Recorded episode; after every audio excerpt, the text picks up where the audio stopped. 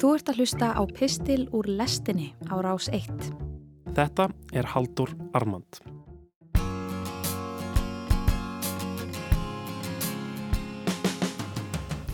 Meðal maður í bandarganum á í dag mjög erfitt með að halda upp í fjölskyldu með laununum sem hann fær. Það gata hann hins vegar mjög auðveldlega fyrir nokkrum áratugum síðan. Árið 1985 voru meðal árslaun hans einhvers vegar í kringum 24.000 dollara og helstu útgjöld bandarískrar fjöguramanna fjölskyldu sem satt húsnæði, bíl, mentun og heilbriðistjónusta kostuðu cirka 12.000 dollara á ári sem satt helmingin af því sem hann þjenaði. Í dag getur vennilegu maður í bandargjörnum búist við að þjena í kringum 53.000 dollara á ári, 6,5 miljón íslenskara króna. En munurinn er sá að útgjöld þessarar sömu fjölskyldu kosta núna 54.000 dollara. Samsagt útgjöldin við nöðsinjar hafa rókið upp úr öllu valdi og launin hafa alls ekki haldið í við þá þróun. Á sama tíma hafa laun bandarískra forstjóra tekið stakkaskiptum Árið 1965 hlaut forstjóri í bandaríkunum að meðaltali 20 föld laun hins almenna verkamanns. Árið 1989 var þetta hlutfall árið 59 falt og í dag er það 200 falt. Þá sama á auðvitað við um laun annara ráðandi stjætta í bandaríkunum. Þau hafa markfaldast á síðustu áratugum en millistjættin hefur verið skilin eftir og þá mest af öllum blue collar verkamæðurinn sem einu sinni bjóti bíla, þvóttavelar og þótur í stórum stíl fyrir heimsbyðina. Bandaríkin eru ríkasta land í heiminum, dollarin mikilvægast í gjaldmiðl í heimi, en miskiptingin þar er orðin svo ævintýraleg að hinn almenni maður þar er miklu fátækari en til dæmis í Evrópu. Bandaríska þjóðin á að meðaltali mjög mikla regnir, Amerikani á að meðaltali helmingi meiri eignir en til dæmis spánveri, En miðgildi þessar tölu er miklu herra á spáni enn í bandaríkjunum. Það er að segja, ríka fólkið í bandaríkjunum er alveg hreint ofbóðslega ríkt og það tókar meðaltalið mikið upp á við. En almenningur þar á ekki neitt. Manneskjan í miðjunni á peningastíganum á miklu minna en sama manneskja í Európu, Kanada, Singapúr og Breitlandi, svo tæmið séu tekinn. Það má draga þetta saman svona. Fyrir nokkrum áratugum gæti vennilegur maður í bandaríkunum auðveldlega haldið upp í fjölskyldu á vennilegum launum en í dag á hann ekki sjens í það. Heimilislausum hefur fjölgað gríðarlega í bandaríkunum á síðustu áratugum. Íbúafjöldi í New York borgar hefur til dæmis verið nokkuð stöður frá upphafi nýjunda áratugarins en þar hefur heimilislausum fjölgað úr cirka 5.000 í tæplega 20.000 á sama tíma. Meðal ævilengt bandaríkjamanna hefur staði í stað frá árinu 2014 meðan hún heldur áfram að hækka í öðrum háþróðum ríkjum. Þetta stafar meðal annars af því að sjálfsvíg og andlát vegna áfengis og livjanótkunar hafa aukist mikið á þessum tíma. Það er þessi ljósi sem ég sé atbyrðina í þingusinu í Washington 7. janúar síðastliðin. Á síðustu áratugum hefur ójöfnuður rókið uppur öllu valdi. Bandarískur eðinaður hefur verið hólaður að innan, laun hafa staði í stað, meðan kostnaður við að draga fram lífið hefur aukist mikið.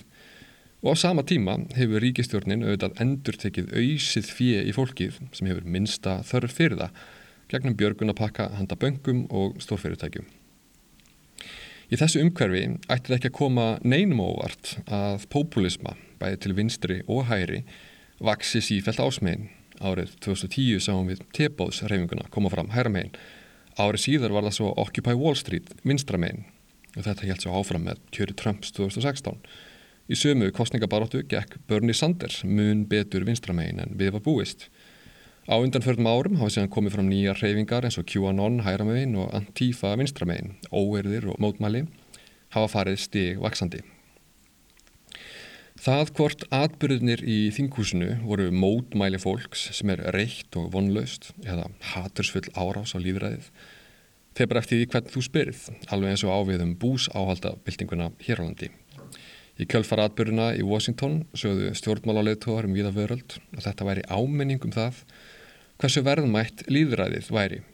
Við því myndi ég segja, já já, það er alveg rétt, en þú getur ekki litið fram hjá því hversu grimmilega og harneskulega þetta sama líðræði hefur leikið mikið af fólki síðustu áratvíði. Ég raunin er það grátt broslegt að heyra að tala um mestrænt fulltróa líðræði í dag sem einhvers konar alvöru líðræði ef maður skoðar gröfin þá sér maður auðræði.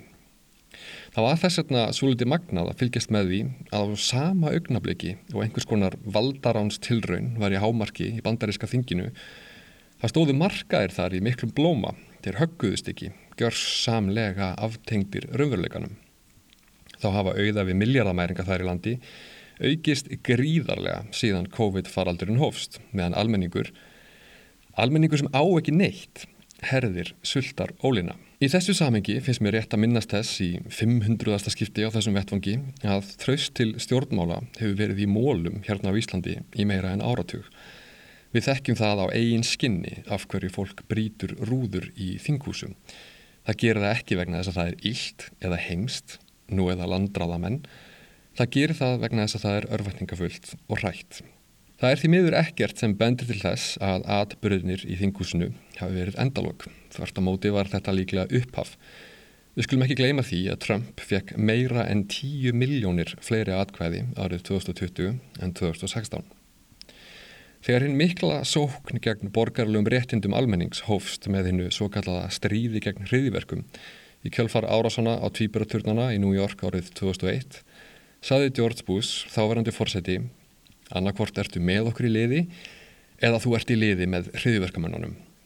Núna er ný og eðlis lík sókn gegn borgarlum réttindum að hefjast nema hún er ekki undir fórustu ný íhaldsmanna heldur líberala.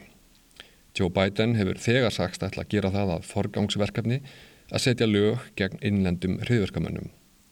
Rökin eru þau nákvæmlega sömu og 2001. Margir fagnar því aðframt að Trump fórseti sé hættur að spúa eitri á samfélagsmiðlinum Twitter eftir að lokað var á rekning hans og margra stuðnismanna hans. Twitter hefur endar áður lokað rekningum hjá vinstirsinniðum aðgerðarsinnum en það er minna að tala um það í dag. Ókjörnir miljardamæringar í hettupeisum eiga núna ekki bara öll gögn og upplýsingar um okkur sem þeir nýta sér óspart til að sjúa til sín meiri og meiri auðafi Heldur stundar þeir nú blíðunarlausa reytskoðun á massífum skala og það við mikla ánægu margra þeirra sem í árnar ás hafa verið á móti slíkum tilbörðum. Þessi reytskoðun mun leiða sér ennþá breyðar ekki á í samfélaginu og ennþá meiri öfka higgju.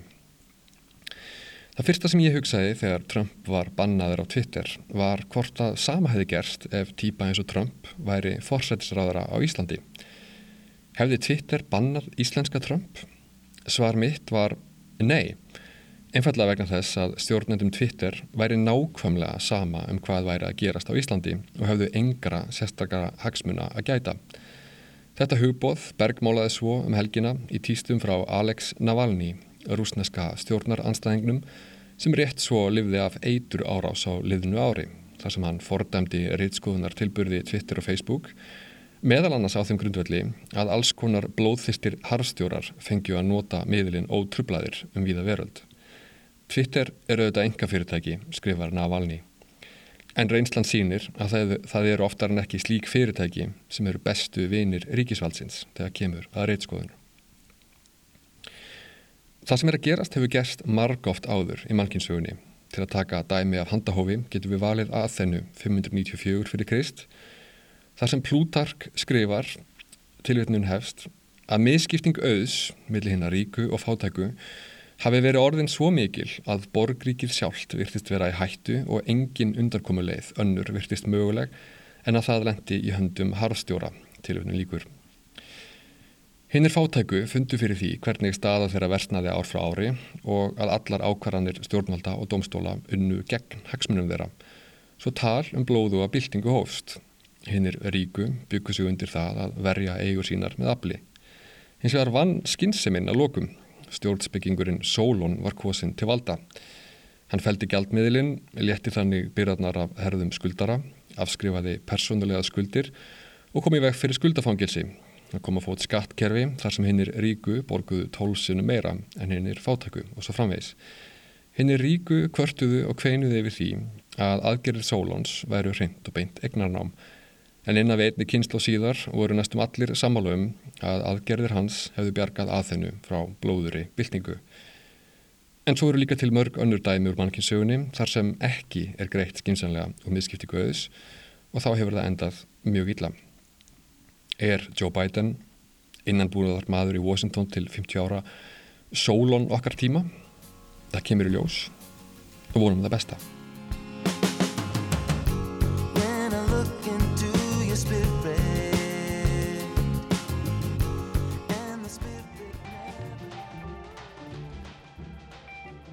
Þú varst að hlusta á Haldur Armand. Ef þú fílaðir þennan pistil og vilt heyra meira, getur gerst áskrifandi að lestinni hér í hlaðvarpsappinu þínu.